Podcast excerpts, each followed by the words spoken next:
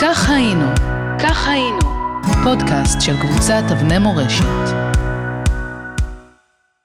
שלום לכם, כאן שוב אמיר שושני עם סיפור מספר 109 בסדרה כך היינו. היום הבאתי מאמתחתי סיפור על הקשר המוזר בין גבעתיים לבין מחתרת מסוכנת. שתי תכונות חשובות היו לו למאיר קוזלובסקי מקישינב. הייתה לו יד יציבה והיה לו שקט נפשי.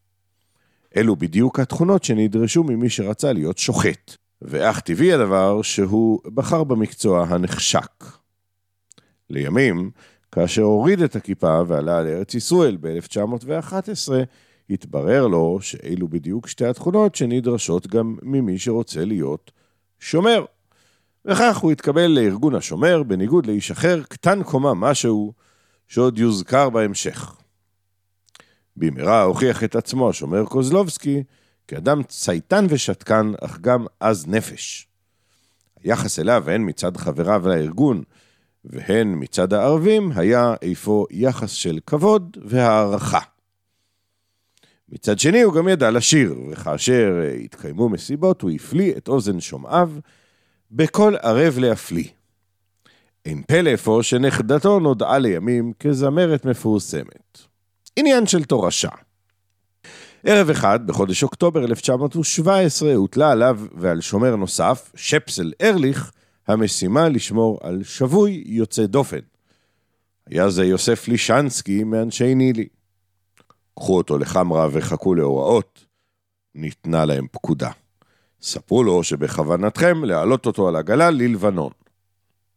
קוזלובסקי היה צייתן ולא שאל שאלות. מאוחר יותר, הגיע אליו ואל שפסל ארליך פקודה משלימה. קחו אותו בלילה למפל התנור וחסלו אותו.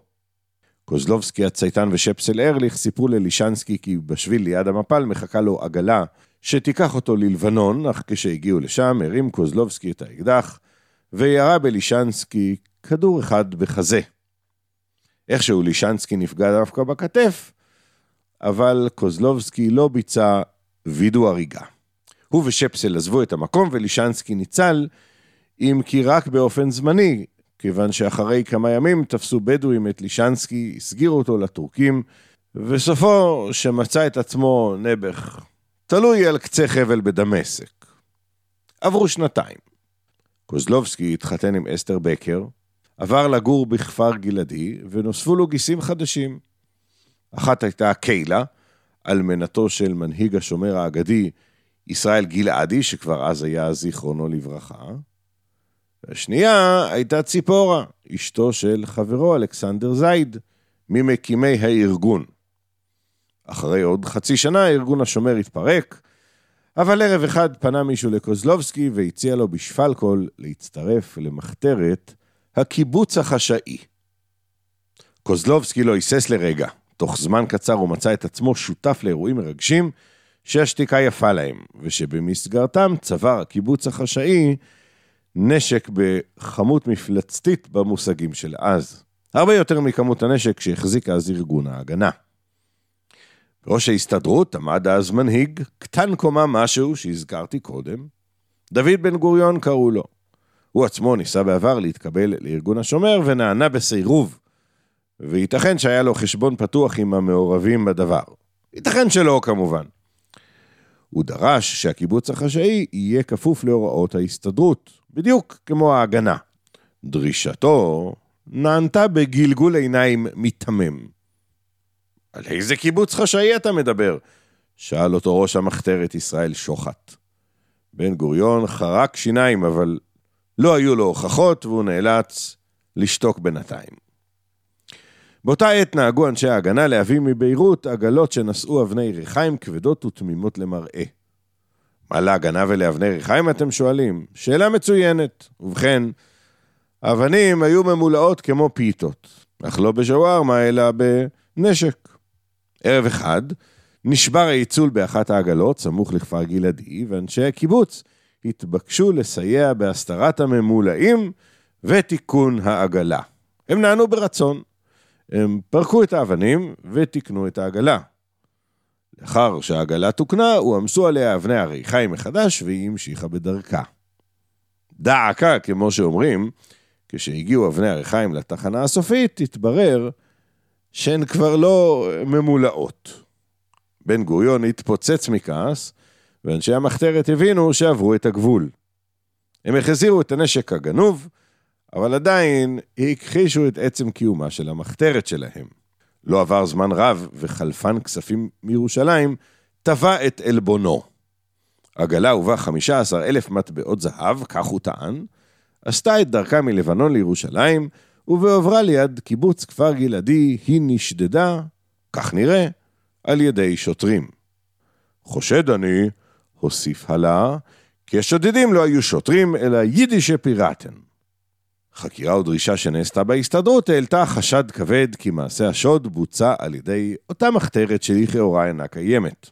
אך לבן גוריון עדיין לא היו הוכחות חותכות.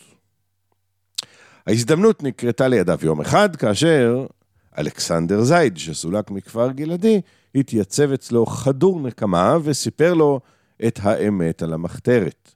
בן גוריון לא בזבז רגע והקים ועדת חקירה שהצטוותה להביא לו הוכחות. כשהתכנסה הוועדה לישיבתה הראשונה, הצביע שעון התאריך על 31 באוגוסט 1926. מנהיג המחתרת שלא הייתה קיימת, ישראל שוחט, ובכן, הוא התייחס לוועדה בביטול. קוד השתיקה במחתרת נראה חזק ובלתי פריץ. הוא אפילו הרשה לעצמו להעביר לבן גוריון איום ברצח, דרך לא פחות מאשר יושב ראש ועדת החקירה יצחק בן צבי. דעקה, שוחט לא לקח בחשבון את עומק קשרי המשפחה בין הגיסים מאיר קוזלובסקי ואלכסנדר זייד, וכי מי שפגע בזייד, פגע גם בקוזלובסקי, לפחות על פי ראייתו האישית. כך קרה, שיום אחד התייצב עד מסתורי בפני הוועדה וסיפק לה את כל ההוכחות שנדרשו לה על מנת להוכיח את קיומה של המחתרת. לעד קראו, כמובן, קוזלובסקי. ואיך כל זה קשור לגבעתיים? ובכן, אחרי הפרובוקציה הזו, קוזלובסקי עבר דירה כמה פעמים, מטעמים שבוודאי הבנתם אותם לבד. סופו, שהתיישב בגבעה במישור החוף וקרא לה על שמו, גבעת קוזלובסקי. שנים חלפו ופרנסים שביקשו להקים עיר במקום הבחינו בשתי גבעות. אחת הייתה גבעת בורוכוב, שאספר עליה בפעם אחרת, והשנייה, גבעת קוזלובסקי. נו, ויקרא שמה בישראל גבעתיים. כך היינו, כך היינו, פודקאסט של קבוצת אבני מורשת.